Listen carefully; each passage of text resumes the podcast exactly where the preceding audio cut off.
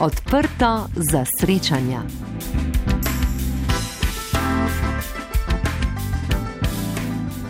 Lepo pozdravljeni. Danes smo na srečanje povabili dr. Alojza Ihana, predavatelja imunoloških vsebin na medicinski fakulteti, pa še na kar nekaj drugih fakultetah. Eh, časi so takšni, da srečanja na štiri oči brez nekih umestnikov niso zaželena, zato nam je v pomoč tehnologija. Dr. Ihan, lepo vas pozdravljam prek Skypa. Ja, dober dan, pozdravljeni. Že pred časom sem vam poslala povabilo za ta pogovor. Veliko je obveznosti na vašem urniku in prav hvaležna sem vam, da se nisva ujela jeseni. Zdaj se mi zdi, da je ta pogovor z vami še, še bolj aktualen. V mislih imam seveda uh, nove seve koronavirusa. Nekateri govorijo že o drugi pandemiji. Kaj nas lahko v tem trenutku glede tega skrbi? Eh, no, zdaj eh, skrbi nas lahko to, da bodo ti novi sevi spremenili to krhko ravnovesje epidemije, ker uh, dejstvo je, da, da je stanje epidemije, kot ga imamo, zelo nestabilno, ne? ker nekaj zadnjih mesecev virus uh, intenzivno kroži, tega kroženja uh, nismo uh, zmanjšali, poleg tega imamo malo stopno precepljenosti, ki nima vpliva na samo epidemijo. Ne? Ta precepljenost, uh, s katero smo uh, uspeli precepiti uh, domove za ostarele. Uh, ta precepljenost uh, bo sicer zelo vplivala na smrtnost v domovih za ostarele, pa seveda smrtnost v populaciji nad 80, ki jo bomo tudi dokaj kmalo precepili. Vendar pa na samo epidemijo ta nizka precepljenost ne bo vplivala, tako da smo pravzaprav z stanjem epidemije nenehno na robu vzdržnosti zdravstvenega sistema in pa seveda daleč od neke epidemiološke sledljivosti okuženih. In zaradi tega je naše življenje z epidemijo pravzaprav podobno, kot bi živeli na plazu. Ti plazovi so zdaj postali aktualni z zadnjim snegom. Torej, kot bi živeli na plazu, ki je še živ in uh, se seveda uh, lahko vsak hip sproži. Tisto, kar lahko sproži ta plaz, Eh, so seveda recimo pojavi novih sevov, ker smo na tako krhkem ravnovesju eh, epidemije, lahko vsaka taka sprememba, ki intenzivira kroženje virusa, povzroči, da nam eh, ta epidemija zdrsne preko vzdržnosti zdravstvenega sistema in to je tisto, kar se pravzaprav bojimo. In ti novi sevi so zdaj potrjeno uh, okuženi s temi novimi sevi, so potrjeno tudi v Sloveniji. Uh, kako se zdaj te, ta prisotnost sploh uh, potrjuje? Razumela sem, da se uh, pregleduje oduzete vzorce v januarju, torej za nazaj.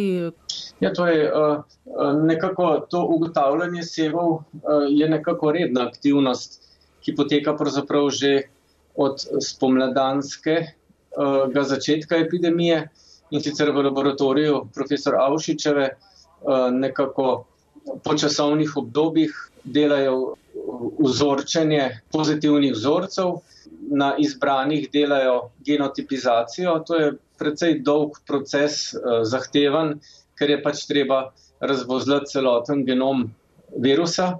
In seveda ta postopek je, je kot sem rekel, razmeroma počasen, So pa zdaj, uh, odkar se je pojavil ta angliški sev, uh, je bil pa narejen PCR, torej metoda, ki se sicer uporablja za dokazovanje uh, virusov. Uh, in sicer uh, bil je narejen PCR, ki pa prepoznava nekaj markerjev uh, od tega angliškega seva. Uh, to pa je seveda preiskava, ki jo je mogoče narediti uh, hitro, podobno hitro, kot se dela diagnostika virusov ta PCR uh, eh, je torej začel služiti kot nekakšen presejalni test uh, za vzorce koronavirusov, da se pač vidi, uh, koliko od uh, pozitivnih vzorcev je, uh, bom rekel, sumljivih, da gre za angliški sev. Potem pa se seveda pri teh pozitivnih vzorcih dela spet genotipizacija, ki pa res do konca pokaže, ali gre res za ta novi bolj nalezljiv sev.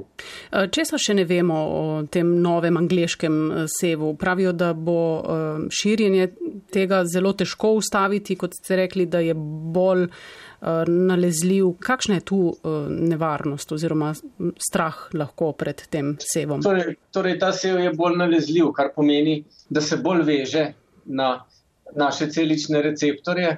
Kar pomeni, da če se virus bolj veže na receptorje, je potrebna manjša količina virusa, da smo okuženi in da dobimo bolezen. In če je potrebna manjša količina virusa, to seveda pomeni, da ga dobimo, tudi če smo eh, naprimer na nekoliko večji razdalji od okuženega, na taki, ko ga prej nismo dobili. Zdaj pa, če nam zadošča manjša količina virusa za okužbo, ga bomo kljub temu dobili. Ali pa, eh, če smo bili v nekem zaprtem prostoru, lahko to pomeni, da so bili do zdaj varni Eh, ljudje, ki so bili dosti daleč stran eh, in ta prenos preko aerosolnih delcev morda ni bil količinsko zadosten, da bi dobilo okužbo. Zdaj pa, če je virus bolj nalezljiv, se pa tudi ti prenosi, naprimer preko aerosolov, naenkrat postanejo bolj pomembni. Eh, in to seveda potem narekuje, da se načine širjenja teh novih sevov bolj preuči, se pravi, potrebno je nekako epidemiološko si prid na jasno, eh, kako daleč se širi ta virus, kakšne maske zadoščajo, ali so potrebne bolj kakovostno maske, ali je potrebno bolj kakovostno odzračevanje v zaprtih prostorih. Eh, in ko bo to jasno, eh, se bo seveda naredil pravila, predvsem pa kako Eh, se obnašati eh, v zvezi s tem virusom, ampak dejansko bo treba predvsem še bolj striktno se držati teh pravil, ki so že zdaj in se jih mogoče ne držimo tako, kot bi bilo treba, pa se bo pravzaprav tudi problem tega seva lahko razrešil ugodno za nas. Mutacije virusov so pričakovane, se dogajajo. Eh, kaj nam to pove, da, da se je populacija dovolj dobro upirala dosedanjim koronavirusom in se je moral virus temu nekako prilagoditi ali je pač še vedno na nek način korak pred nami? Torej, mutacije virusov se seveda nenehno dogajajo. To smo pač v tem obdobju um, medsebojnega prilagajanja med novim virusom in med nami kot um, človeško vrsto. Ta obdobja prilagajanja običajno trajajo veliko let, to se ne dogodi eni sezoni, da bi se to, ta nek, neko ravnovesje vzpostavili. In na koncu se navadno vzpostavi ravnovesje, ki, ki ni traumatično niti za virus, niti za gostitelja, ampak do tam pa seveda eh, lahko poti tega prilagajanja zavijajo v zelo različne smeri. In seveda, eh, mi kot človeška vrsta bi pravzaprav eh, ne želeli, da bi se cel scenarij teh prilagajanj zgodil. Zato bi bilo seveda najboljš eh, v idealnem scenariju, bi se pač precepili, bi potisnili virus iz tega območja, ko se lahko prilagaja, kajti virus potrebuje čas, potrebuje prekuževanje in če tega nima, potem je potisnen v kot in se več ne razvija. In to je tisto, kar bi eh, pravzaprav radi eh, dosegli v zgodbi s tem virusom. Eh, je pa žal dejstvo, da cepiva ni dovolj, da bi to v kratkem času uresničili. In zaradi tega pač bomo še nekaj časa opazovali, da bo virus nekako spreminjal svoje lastnosti, da bo tam, kjer bo lahko, da bo našel Eh, neke boljše variante, eh, da bo bolj uspešen pri okuževanju. In seveda zaradi tega moramo biti eh, pozorni po eni strani, kako se virus razvija, v katere smeri. Po drugi strani pa seveda moramo delati, da se čim hitreje precepimo, da virusu odzamemo ta življenski prostor in na ta način preprečimo, da bi sploh se uh, spreminjal in se pač uh, izpopolnjeval uh, na nas da bi postal uspešnejši. Kdor se namerava cepiti ali se je že, se upravičeno sprašuje, bo cepivo učinkovito tudi proti novim sevom. Ima znanost že odgovor na to vprašanje? No, kar se tega angliškega seva tiče, eh, so dosedanja cepiva učinkovita, kar pomeni, da proti telesa, ki nastanejo, se dobro vežejo tudi na ta tako imenovani angliški sev, kar pomeni, da ga enako dober neutralizirajo. To so pač nekako študije pokazale in glede tega smo lahko v glavnem mirni. Vaši opisi virusa, virusnega proteina, bodice S so me spomnili na animirano poučno oddajo Nekoč je bilo življenje francoskega avtorja Alberta Barileja, ki je zelo poljudno prikazala človeško telo in delovanje imunskega sistema in pomaga razumeti, kaj se pravzaprav zdaj dogaja v času korona krize v naših telesih. Kaj se, če res zelo posplošiva, dogaja pri več kot 18 tisoč aktivno okuženih v Sloveniji v tem trenutku? Kakšen boj se dogaja v telesu? Ja, torej, virus eh, dejansko pride eh, nosno žrelno sluznico, tam najde celice, ki imajo te proteine, na katere se virus pritrdi, to so AC2 receptori, kot jim pravimo.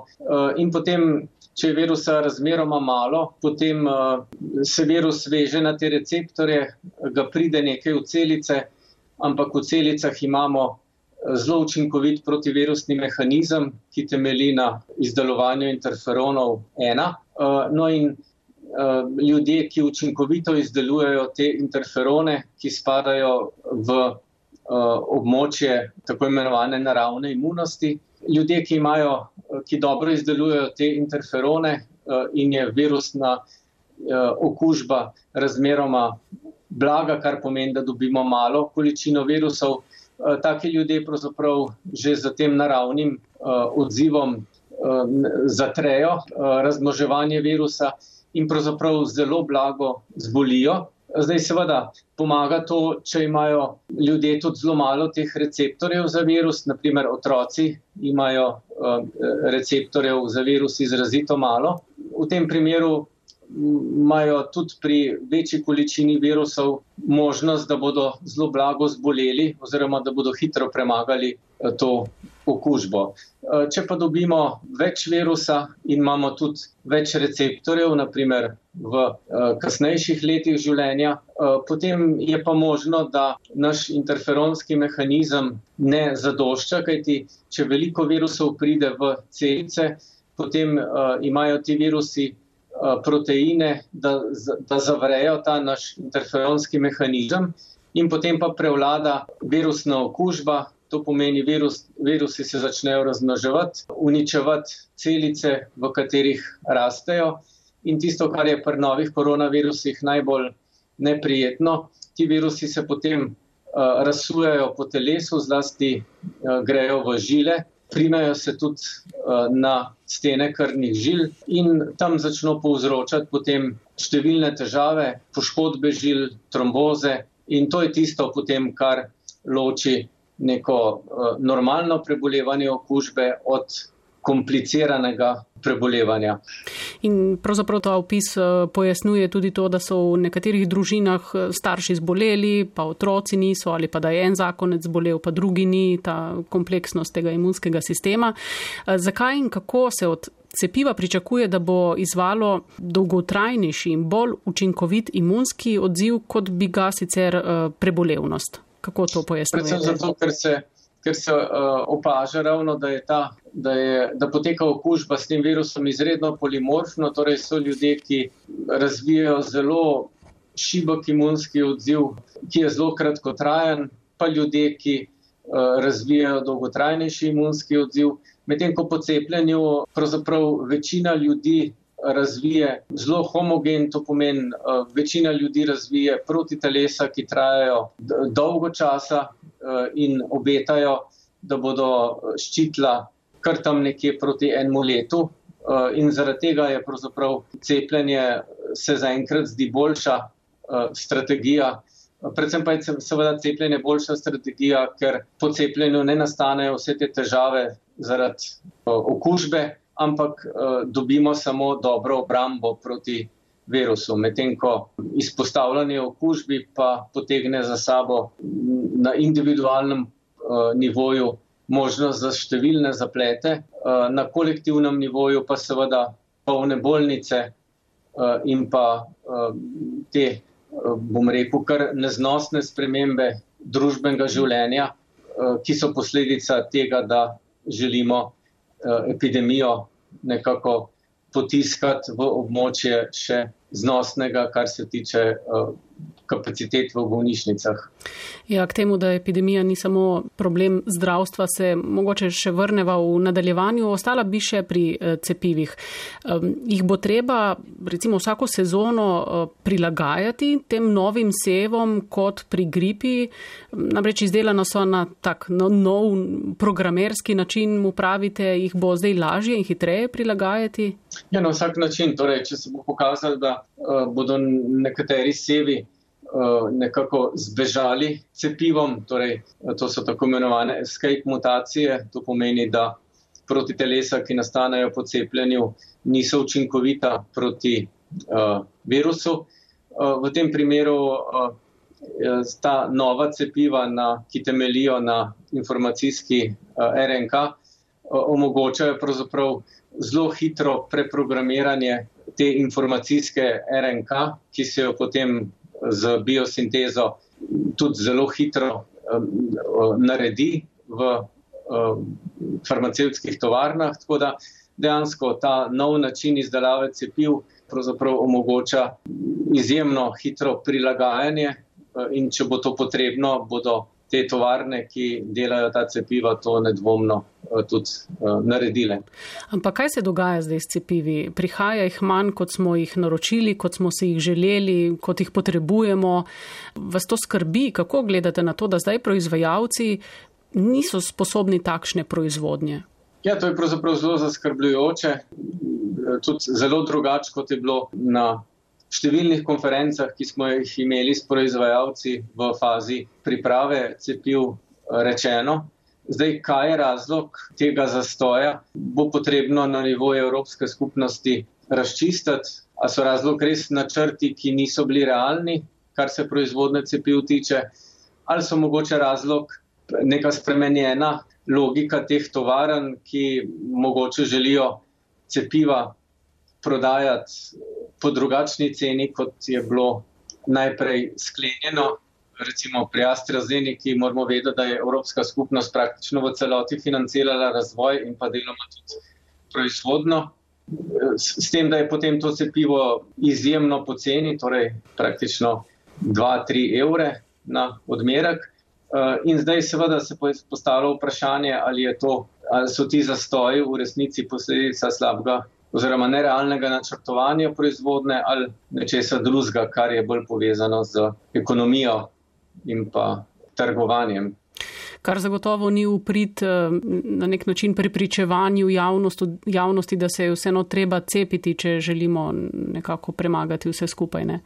Ja, se zato bo treba to razčistiti, torej ne samo zaradi uh, nekako spoštovanja pogodb, ampak dejansko se tukaj postavlja tudi vprašanje vsebine. Zdaj, uh, uh, če je bilo cepivo razvito kot en uh, izjemen mehanizem solidarnosti, je treba razčistiti, ali, ali gre v resnici samo za nekako nerealno načrtovanje ali, ali pa je zadaj kaj drugega.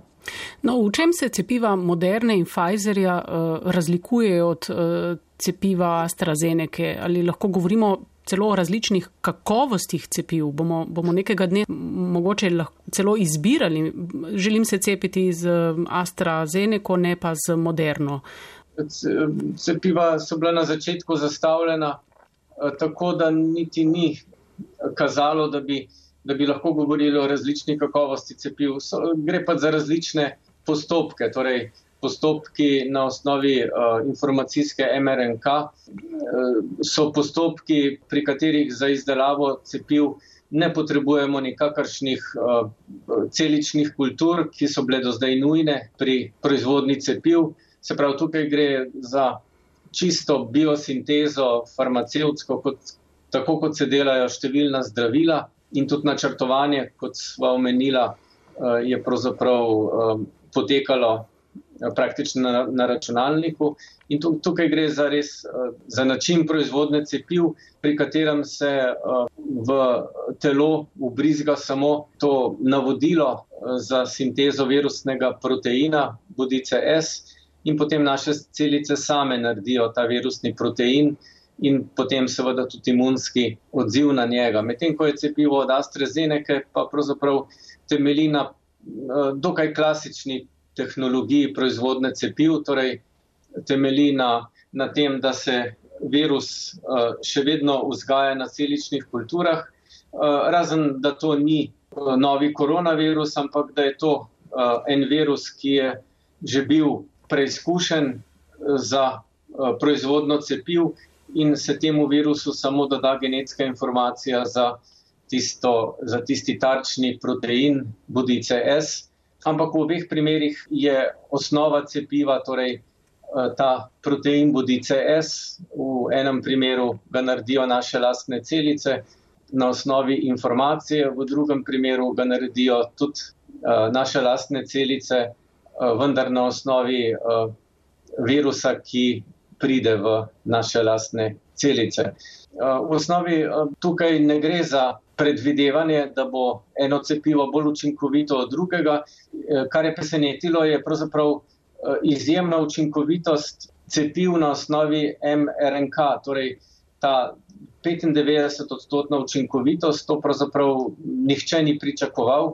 Običajno bi pri Eh, to vrstnih cepivih pričakovali učinkovitost tam nekje okrog 70-80 odstotno. In torej, če je kaj izjemno, je bila torej ta nepričakovana učinkovitost zaščite z cepivi MRNK. Eh, medtem ko so testi učinkovitosti pri eh, AstraZeneca nekako pokazali tisto učinkovitost, ki je bila pri uh, tovrstnih cepivih pričakovana, se pravi učinkovitost tam nekje okrog 70-80 odstotkov.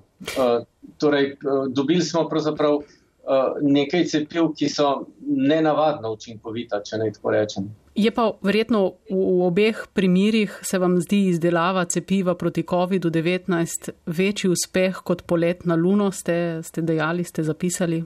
Je gotovo, ker je po eni strani skoraj neverjetno, da, da je pravzaprav v istem letu, ko uh, smo odkrili uh, novega povzročitelja okužb oziroma epidemije, da je pravzaprav v istem letu izdelano cepivo in tudi že, da je šlo skozi te klinične faze testiranja. Uh, po drugi strani pa se mi zdi tudi neverjetno, da je neko cepivo združilo pravzaprav toliko znanosti, toliko politike, da tako rečem, se pravi, toliko držav je, skupilo, je stopilo skupaj, torej cela Evropska unija, ki do, doslej ni kazala kakšne ambicije, da bi zdravstvo urejala kot nekako kot Evropska unija, ker je bilo eh, zdravstvo nekako prepuščeno eh, posameznim državam, ampak v tem primeru so v resnici ti veliki sistemi, kot je Evropska unija, Eh, so v soočanju z to nevarnostjo za naša življenja, za, za nek normalen družbeni razvoj, so v tej nevarnosti pravzaprav vse evropske države stopile skupaj, ne glede na to, kakšne zdravstvene sisteme imajo in pravzaprav uspele v tem, da, da so nastala ta cepiva. In to se mi zdi res izjemen uspeh. Z dr. Alojzom Mihanom se pogovarjamo v oddaji odprto za srečanje. Omenili smo, da epidemija še zdaleč ni samo zdravstveni problem zaradi ukrepov, s katerimi bi mm, jo želeli zatreti. Se soočamo tudi z družbenimi težavami, o katerih bova govorila po naslednji glasbi.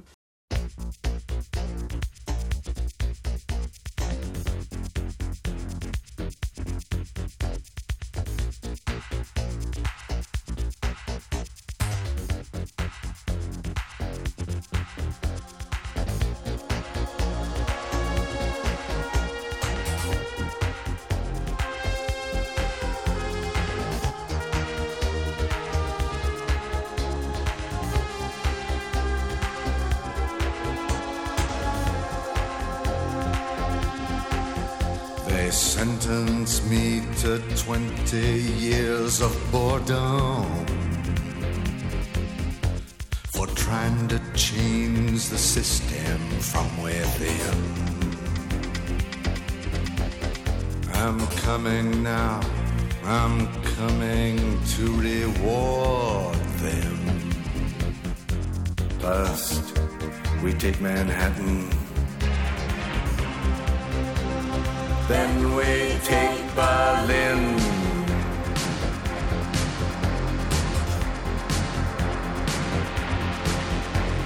Guided by a signal in the heavens.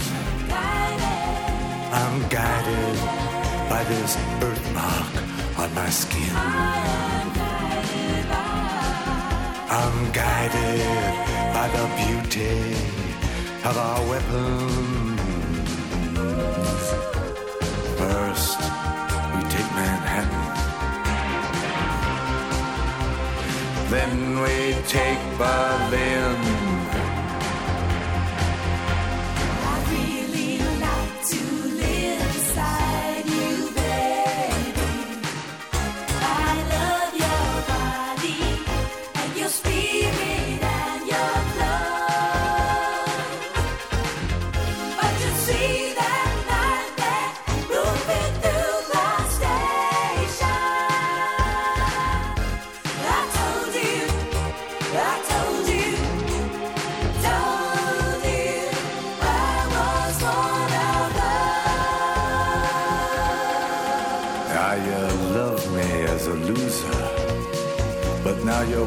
That I just might win.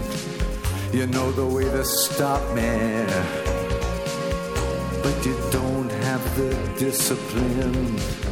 How many nights I prayed for this to let my work begin.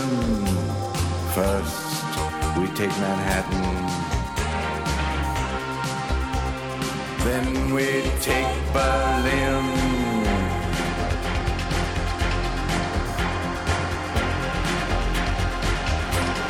I don't like your fashion business, mister. And I don't like these drugs that keep you thin. I don't like what happened to my sister. First, we take Manhattan. Then we take Berlin.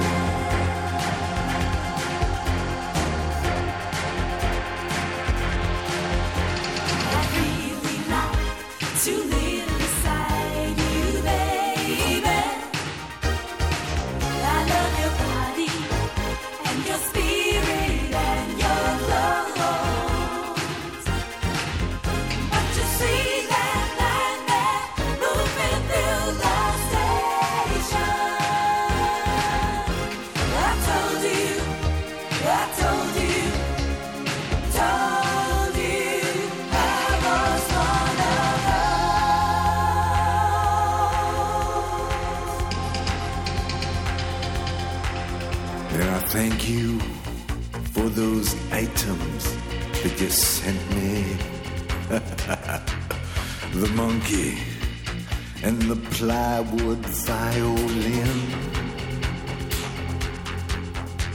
I practiced every night. Now I'm ready.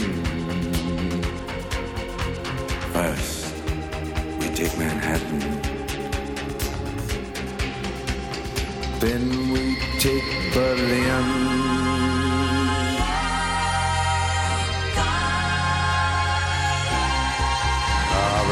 Remember me. I used to live for music. Remember me. I brought your groceries in. Well, it's Father's Day, and everybody's wounded. First, we take Manhattan. Then we take Berlin.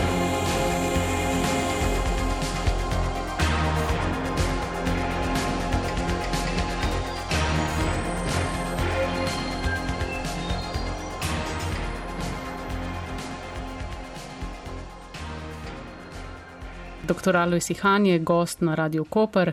Eh, Kar nekaj misli in istočnic za današnji pogovor sem našla v vaših kolumnah, ki jih objavljate v delu. Škoda bi se mi zdelo, da ostanejo samo zapisane. Dejali ste, da se je po odzivu na pandemijo svet nekako razdelil na azijske države in na drugi strani na Evropo in ZDA, torej na države, ki so uspele virus zadržati in na nas, ki ga nismo uspeli. Zakaj gre pri tem? Z zakaj je enim uspelo, drugim ne? Ja, pri tem gre um, v veliki meri za to, da so azijske države že dale skozi šolanje, predvsem mislim v zvezi z gripo. Azijske države, zlasti njihova mesta, so izjemno uh, gosto naseljena in tam pravzaprav že gripa bi povzročila neznosne težave, če ne bi bili pravzaprav se vajeni izogibati tega. In uh, ko vidimo uh, posnetke iz um, azijskih mest, kot so Singapur in podobno, uh, pravzaprav že leta in leta videvamo, da ljudje hodijo v maskah. Tudi na kitajskem je to zelo običajno, deloma seveda je bilo to zaradi onesnaževanja, ker so imeli, ker imajo številna mesta, kot je recimo Peking, uh, imajo obdobja neznosno slabega uh, uh, zraka, torej onesnaženega zraka.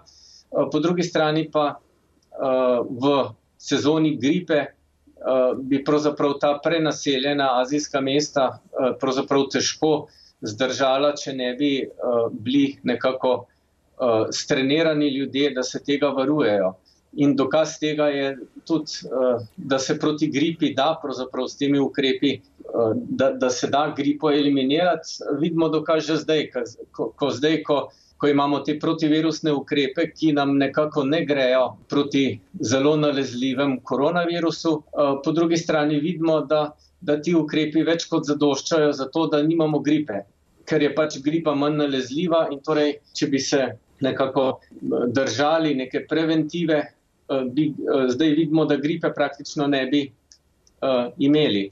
In torej, eden od razlogov, da so azijske države tako uspešne, je pravzaprav ta njihova uh, navajenost na preventivo gripe, ker jim je pač normalno, da se nosijo maske, in potem so to seveda nadgradili, to je spet uh, posebnost njihovih sistemov, da se jim ne zdi nič posebnega, da so v obdobju epidemije precej dobro nadzirani, kar pomeni, da imajo na svojih mobilnih uh, telefonih aplikacije, uh, kjer lahko pravzaprav zdravstvene oblasti kar centralno gledajo, kdo bi bil lahko okužen, kdo ne. Uh, in imajo seveda zdravstvene oblasti tudi možnost zelo neposredno dostopati do ljudi, ki so verjetno okuženi, lahko testirajo, Eh, lahko odrejajo karantene eh, in zaradi tega so pač eh, azijske države, ki so vajene, kot sem rekel, že iz kontrole gripe,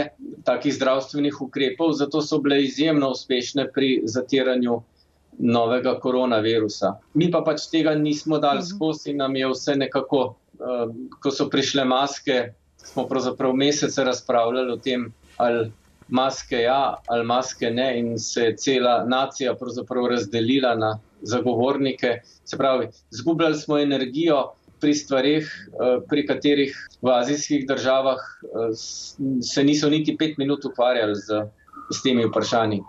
Ja, razdelila se ni le nacija, razdeljena je bila vsaj tak je bil vtis tudi stroka, zdravstvena stroka. Delovalo je kot da se ne ve, kako se odzvati na epidemijo. Ponekod smo lahko brali mnenja in razlage zdravnikov, ki se niso strinjali z ukrepi, ne rečemo z maskami, ampak z vse splošnimi ukrepi. In vi ste jeseni na prošnjo takratne predsednice zdravniške zbornice pregledali kar nekaj njihovih pomislikov in sporočil.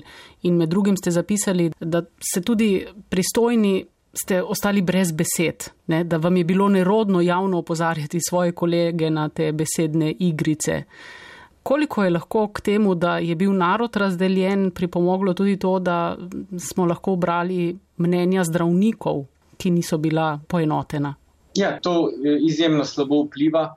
Zlasti zato, ker uh, nekako to potem uh, predstavlja tisto potrjevanje nekega upiranja ali pa nelagodja. Torej, popolnoma naravno je, da da če se uvede naprimer maske, ki so nekaj novega, ki niso tako kot v Aziji, kjer so to pač dejstvo, kot je pri nas naprimer uporaba dežnika, kadar pada dež. Če, če se uvede uh, nekaj tako novega, je logično, da je veliko ljudi nad novostmi, ni prepričano v njih, uh, ker nimajo izkušenj uh, in seveda ob tej neprepričanosti v velikem delu prebivalstva nastane potem nek, nek občutek nelagodja, nek dvom, da, da so taki novi ukrepi sploh potrebni. In seveda, če, če potem se pojavijo mnenja strokovnjakov, ki ta dvom potem upravičijo uh, za svojimi nazivi, za, svojimi, uh, za svojim položajem, ki ga imajo naprimer v zdravstvenem sistemu, potem uh, seveda to deluje kot nekakšen oprijemek, na katerega se vsi tisti, se vsi dvomi ali pa nelagodja oprimejo in uh, zaradi tega lahko mnenja nekaj takih strokovnjakov izjemno škodljivo vpliva. Individualizmu ste pripisali vzrok, da virusa nismo znali zadržati, sicer po eni strani smo se držali ukrepov, mesta so bila prazna, ljudje so nosili maske, ampak postali smo naveličeni. Recimo, koliko krat smo slišali, naslednjih 14 dni bo ključnih. Kdaj se je po vaši oceni zgodil tisti prelom, da se je, če uporabim vam zelo neljubo metaforo, ples z epidemijo spremenil v to katastrofo, ki smo ji bili priča decembra?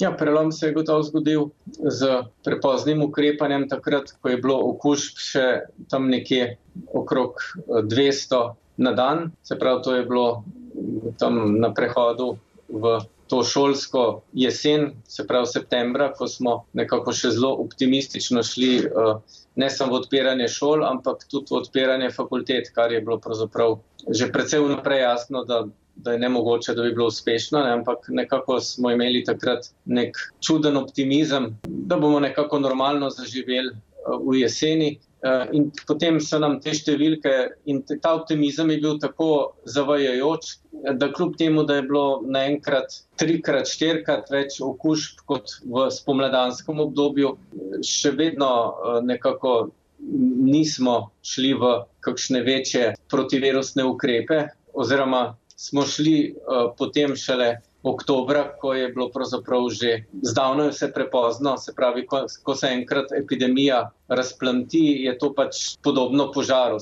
Ko enkrat epidemija pride do te stopne, na kateri smo še zdaj, eh, je praktično zunaj eh, epidemiološke sledi, sledljivosti in zato tudi zunaj kontrole in pravzaprav eh, v tej fazi je težko za nekimi racionalnimi ukrepi jo kontrolirati, ampak zgolj skrbeti za to, da, da nekako zdravstven sistem ne kolabira. In to je tudi vse, kar smo potem uspeli nekako oktobra pa do sedaj poskrbeti. Ali ne gre mogoče pri soočanju z epidemijo za čisto dva različna pogleda pristopa? Na eni strani recimo pravijo, z virusom se moramo navaditi živeti, je tu in zdaj, sprijaznimo se, da bodo starejši umirali prej ali slej bi. Na drugi pa virusa ne smemo spustiti v domove za starejše in bolnišnice in cena gospodarska, družbena, intelektualna za to bo žal visoka. Torej, žal se je pokazalo, da, da z epidemijo ni mogoče upravlja. Se pravi, epidemijo je mogoče samo zatreti na zelo majhen obseg. To so nam pokazale azijske države, pa ne samo azijske, tudi nekatere druge, recimo kot je Avstralija, pa Nova Zelandija in tako naprej. Z epidemijo se ni mogoče, je mogoče jo samo zelo grobo zatreti, eh, ni pa mogoče jo upravljati. To, da bi lahko izolirali domove za ostarele, pustili pa sicer epidemijo, to smo videli, da ni mogoče, kajti ko se epidemija enkrat razplanti, so okuženi tudi domovi za ostarele.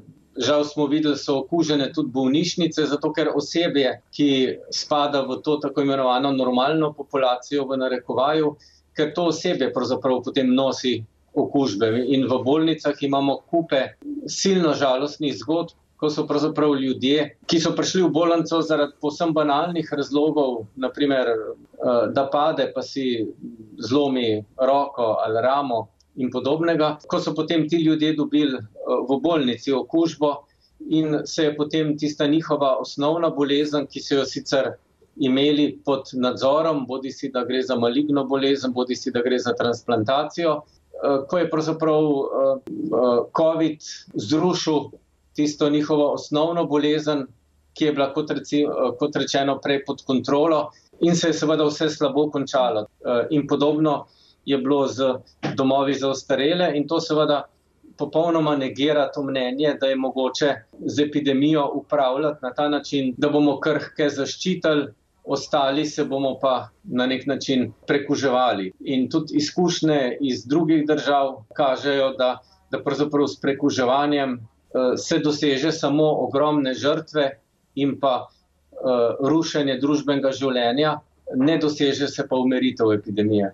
Proti koncu uh, tega pogovora jadramo in plujemo z gostom Alojzom Mihanom, zagotovo ne žal proti koncu epidemije, nadaljujeva po naslednji glasbi.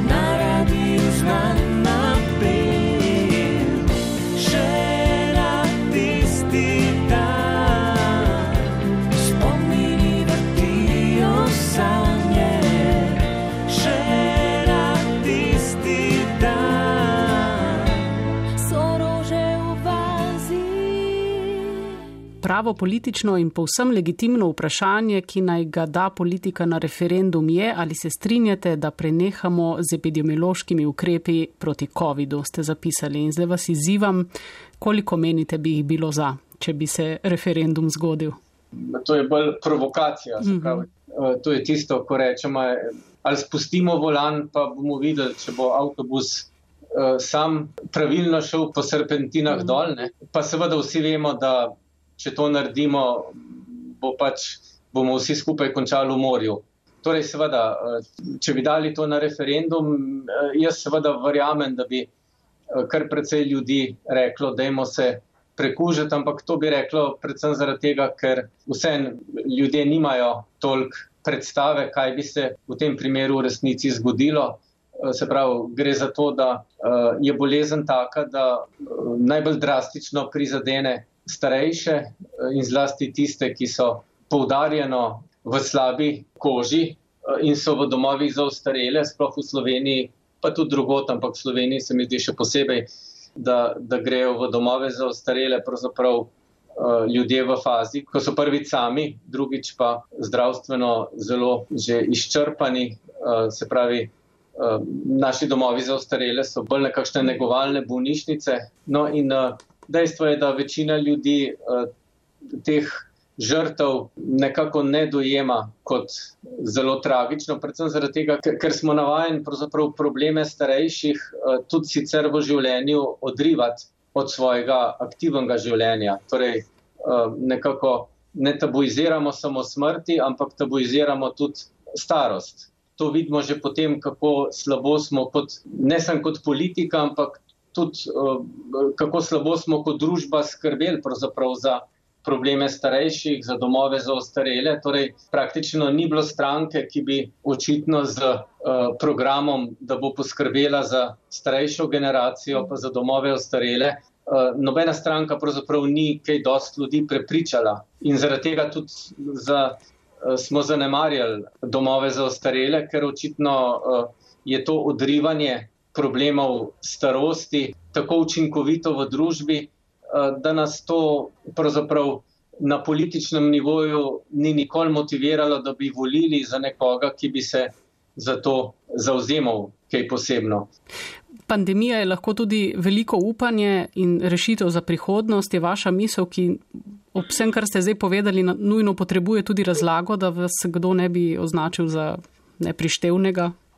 Kakšno upanje, ja. kakšna rešitev za spremembo? Ja, pandemija je vsekakor. Uh, naprimer, ogromno upanje, kar se tiče razvoja novih cepiv in pa novih terapij. Naprimer. Kar se tega tiče, je razvoj cepiv na osnovi informacijske RNK nekaj, kar ne bo služilo samo tisto, kar smo prej omenili, hitremu sprogramiranju novih cepiv ampak bo služilo tudi preprogramiranju celic pri mnogih boleznih, eh, od diabetesa do različnih avtoimunskih bolezni, kjer bo mogoče praktično z enakimi injekcijami, samo z drugim programom informacijske RNK, eh, preprogramira delovanje celic in to je nekaj, kar seveda vzbuja ogromno upanja, da bo zdaj, ko, bo, ko je ta tehnologija dobila nekakšno legitimnost, tudi v praksi, eh, da bo to en trend razvoja zdravil v bodoče. In to je seveda nekaj, kar eh, upravičeno vzbuja eh, upanje, da, da, ta, da bo ta epidemija imela tudi neke dobre posledice. In seveda marsikaj od tega, kar smo kot družba nekako bili prisiljeni inovirati, v tej epidemiji, se pravi uporaba različnih informacijskih orodij, načini, kako se pravi z bolj racionalno in bolj ekološko organizirati sestanke, simpozije, kako skoncentrirati pravzaprav proces učenja na, na bistveno. Mrsikaj od tega bo zelo uporabno tudi potem, ko bomo lahko merno sestankovali za isto mizo in nam ne bo treba več nositi mask in misliti na virus. Uh, Marsikaj od tega bomo seveda uh, s pridom uporabljali tudi potem. O sebičnosti v času COVID-a razmišljate, pa tudi o solidarnosti. Če se je več, če in ko boste epidemijo želeli preliti v kakšen esej ali poezijo, če je sploh zdaj čas za to ustvarjanje ali ima vaš dan preprosto premalo ur?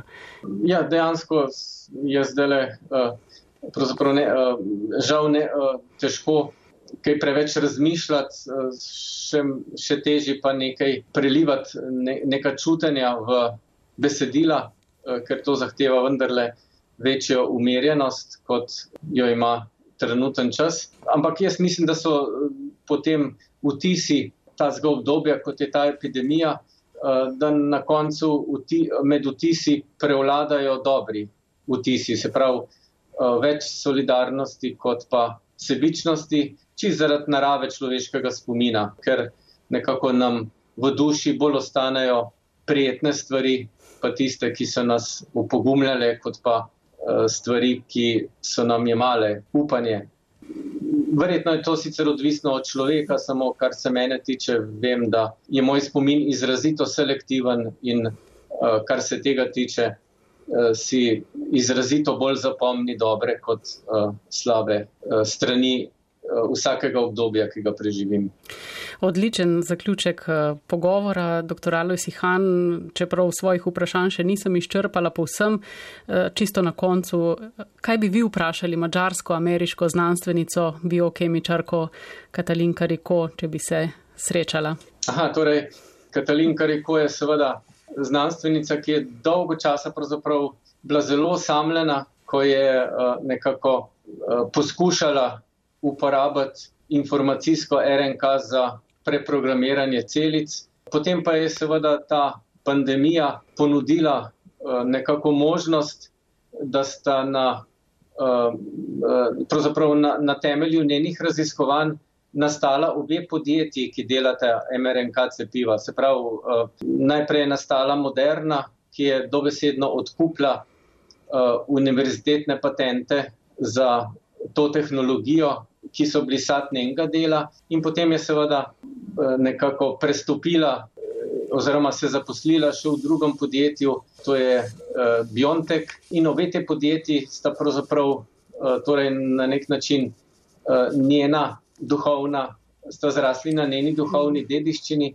in seveda uh, nekako uh, je mislim, da uh, osrednja herojinja uh, te koronske dobe, Eh, ker je pravzaprav se desetletja ukvarjala z idejo, ki se je vsem zdela več ali manj nezanimiva, potem pa se je pokazalo, da bo ravno ta ideja postala glavno upanje, da rešimo to koronsko dobo in seveda eh, jo niti ne bi sprašval, če misli, da zasluži bodočo Nobelovo nagrado, ker se mi zdi, da sploh ni vprašanje, kdo bo glavni kandidat za naslednje Nobelove nagrade iz uh, bodi si iz uh, kemije, bodi si iz uh, medicine in uh, fiziologije.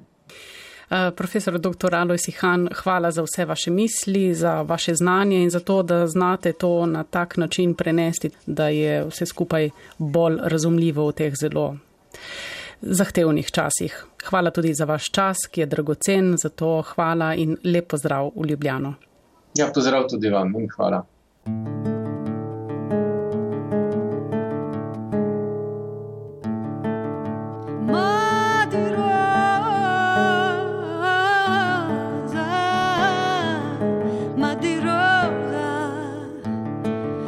Madeira. Oh.